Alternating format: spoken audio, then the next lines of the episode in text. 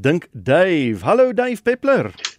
Middag Willem, hallo Marieta, middag luisteraars. Dankie dat jy weer by ons aangesluit het om hierdie natuurnavrae te beantwoord. Johan in Struisbaai, ons begin met sy vraag. Hy sê voels soos dikkoppe en kiewiete kom nie in swerms voor nie. Hoe vind die kuikens wat die nes verlaat dan 'n maat? Ek wonder of ek die vraag reg verstaan.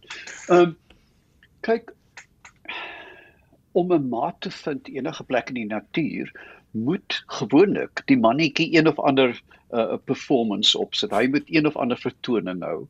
Ehm um, en daar is reg deur die natuur en dis by insekte, visse, visse, voëls is daar die sogenaamde druivende bevolking, die floating population. Hmm. Met ander woorde, as jy 'n paar het van dikkoppe, sê net maar, en jy gaan met jou grasnyer oor die wyfie, uh mag dit nie gebeur nie. Um dan is die mannetjie nou sonder 'n uh, maat. Wyfies in die landskap, nie in die voorstad nie, sal rond beweeg tot hulle 'n mannetjie staan. En dieselfde geld vir die kuikens. Hulle word groot, maaskop uit, paaskop uit en dan begin hulle 'n drywende bestaan tot hulle iemand ontmoet. Dit hmm. ek hoop dit is 'n vereenvoudigde verduidelik. Hulle moet eenvoudig wag. Uh, maar soos in die natuur mes gereeld uh, verbaas gebeur dit vinniger as wat jy dink in terme van uh, witkruisarende 2 3 dae as een van die paar doodgaan 2 dae is daar nuwe een. My ene, joh. Ja, dit gebeur baie vinnig. Hier's 'n vraag van Donald af en hy vra: "Is dit waar? Ek het al gehoor stories dat eekorings verkleermannetjies eet. Waar of onwaar?" Absoluut waar. Eekorings en nou praat ons van die van die grys eekoring wat Cecil John Rhodes ingebring het na van Suid-Afrika want hy het gedink is Engels, dis eintlik 'n Amerikaanse eekoring. Hmm. Hulle is eenvoudig uh, boomrotte met met baie groot sterte. Hulle is aaklige diere. Um ek het eendag uh, een met 'n ketty geskiet wat ek seker nou nie voor getuies mis gedoen het nie. En 'n tannie het uit 'n venster gekyk en gesê: "Meneer, jy is 'n monster." Um hierdie eekorings is vernietig alles voor die voet. Hulle eet eiers uit neste, ja. hulle eet die kleintjies, hulle eet verkleermannetjies. Hulle is werklik indringer spesies wat groot groot skade veroorsaak. Die probleem met uitheemse spesies of jy nou praat van diere of plante of wat ook al, is jy bring hulle in 'n omgewing in waar hulle nie natuurlike vyande het nie en dan floreer hulle meer as wat hulle moet. Ja, die statistiek is baie interessant. Sê net maar jy neem, jy gaan Engeland toe en jy tel 'n 100 diere op. Spinnekoppie, 'n uh, 'n eekoring, 'n slak, 'n uh, visie en, en jy uh -huh. kom skud hulle uit op die Kaapse vlakte.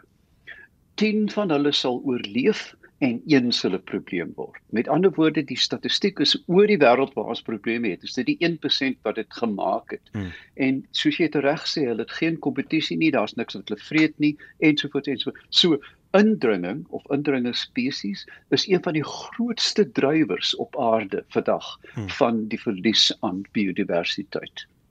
Hier's 'n vraag van Babs in Parys. Sy sê ek wil asseblief weet hoe raak mense ontslaaf van die muise wat die baba swaalkies uit hulle nes gaan uithaal. Hulle wag net tot daai voeltjies uitbroei en dan sien muise op hulle en dra hulle weg en vreet hulle op. Ek kan my nie indink hoe 'n muis in 'n swaal nes gaan inkom nie alhoewel rotte en muise is baie behendig wil met moet eintlik sê bevoetig. Ehm um, hulle kan enige plek inklim. Jy weet 'n rot klim teen 'n hardloop oor 'n wasgoedlyn byvoorbeeld. Jy weet hulle kom in 'n huis in. Die enigste manier wat 'n mens kan verseker as dit as sy kan bewys dat dit wel rotte is, is om toegang te beheer om 'n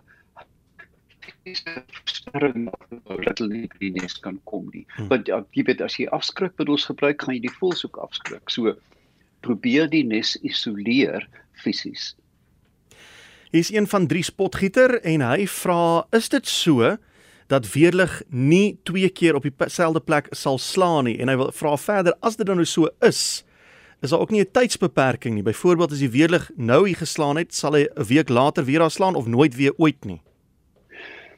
Gaan kyk gerus luisteraars na hun na die ehm um, webwerf van NASA is NASA van Amerika. Hulle het deesdae satelliete wat in werklik, jy weet in in in in in wat is real time Willem? Jy weet in uh, ja, ge gewone tyd of ehm um, in gewone tyd. Ja. Letterlik elke weerligslag op die aarde met satelliete satelliete kan aftas.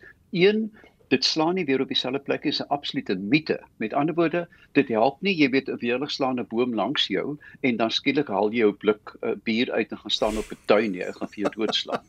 Ehm um, ehm um, kyk 'n mens na weerlige afleiers natuurlik wat gereeld kerke, jy weet, en ook mens sien dit baie in die Laagveld met met hierdie luxe kampe. Elke riedakhuis het 'n mm. weerlige afleier en dit word gereeld geslaan, gereeld. En so weet 'n mens ook histories dat daar 'n sekere koppe in bergpieke waar oor die leeftyd van 'n mens 80 of 90 jaar 3 of 4 brande uitgebreek het. So dit dit gebeur werklik weer. Hulle staan letterlik weer dieselfde hmm. plek. Hmm. Vergeet daarvan, moet moet moenie vir 'n oomblik ontspan nie. Weerlig is baie gevaarlik. Wat was die tweede deel van die vraag? Ek het nou so weggevoer. Nee, ons het nou ons het nou bepaal dat hy ehm um, nie of hy slaan wel twee keer op een plek so ja. die ander deel is irrelevant. Uh, okay. Frans in Mosselbaai. Ek kry gereeld hierdie bruin kolletjies, omtrent so groot soos 'n vierhoutjie kop op my motor. Watter ongedierte of la luis veroorsaak hierdie kolle? Wel, luister is 'n goeie wenk. Um in die herfs weet 'n mens dat um oral, jy weet as jy dan 'n motor parkeer onder 'n herfsboom, word dit taai. Jy weet jy kan dit byna nie ja. afvee van die ruit af nie. En dit is as gevolg van plantluise. Kyk, 'n boom sou baie dom wees om sy blare af te gooi en al daai voedingswaarde wat hy 'n somer lank opgebou het, dan te verloor. Met ander woorde, net uh, na die groei seisoen en voor herfs onttrek die boom al die voedingsstowwe uit die blare so kom hulle geel word en dit is natuurlik die tyd vir luise want hier is nou 'n stroom van lekker kos wat hulle kan onderskep. Maar hulle hulle maak ook wat bekend staan as heuningdou. Dis een van die van die van die kolletjie probleme. En omdat dit baie suiker bevat, kan hierdie kolletjies baie vinnig swam opdoen. Met ander woorde, eers net 'n helder kolletjie en daarna word hy donker. Dan natuurlik as jy parkeer naby blombeddings, jy weet of in die stad naby 'n park. Mm -hmm dan vind 'n mens dat die vrugtekewers, jy ken daai swart en geel vrugtekewer ja. wat jou rose vir jou mm. voete op. Nou hulle uh, ontlas in 'n in 'n presies in daardie kleur uh geel en dis 'n taai besigheid. So dit hoef nie noodwendig die swart geel vrugtekewer nie, maar ehm um, as 'n mens in die breë breë daarna kyk dan is dit insekontlasting. Mm. Goed. Piet en Johanna Redlinghuis van Lamberts Bay het hierdie ingestuur. Dit wil vir ons voorkom of die molle besonder aktief is hier in ons omgewing, selfs op sy paadjies en langs die splinter nuwe herboude pad tussen Elatsbaai en Piketberg. Na onlangse erge aktiwiteit in my tuin, wonder ek waarvandaan kry die molle hulle suurstof so in hulle benoude doolhofgange. Vertel ons ook asseblief meer oor hulle gesinsaktiwiteite en so aan.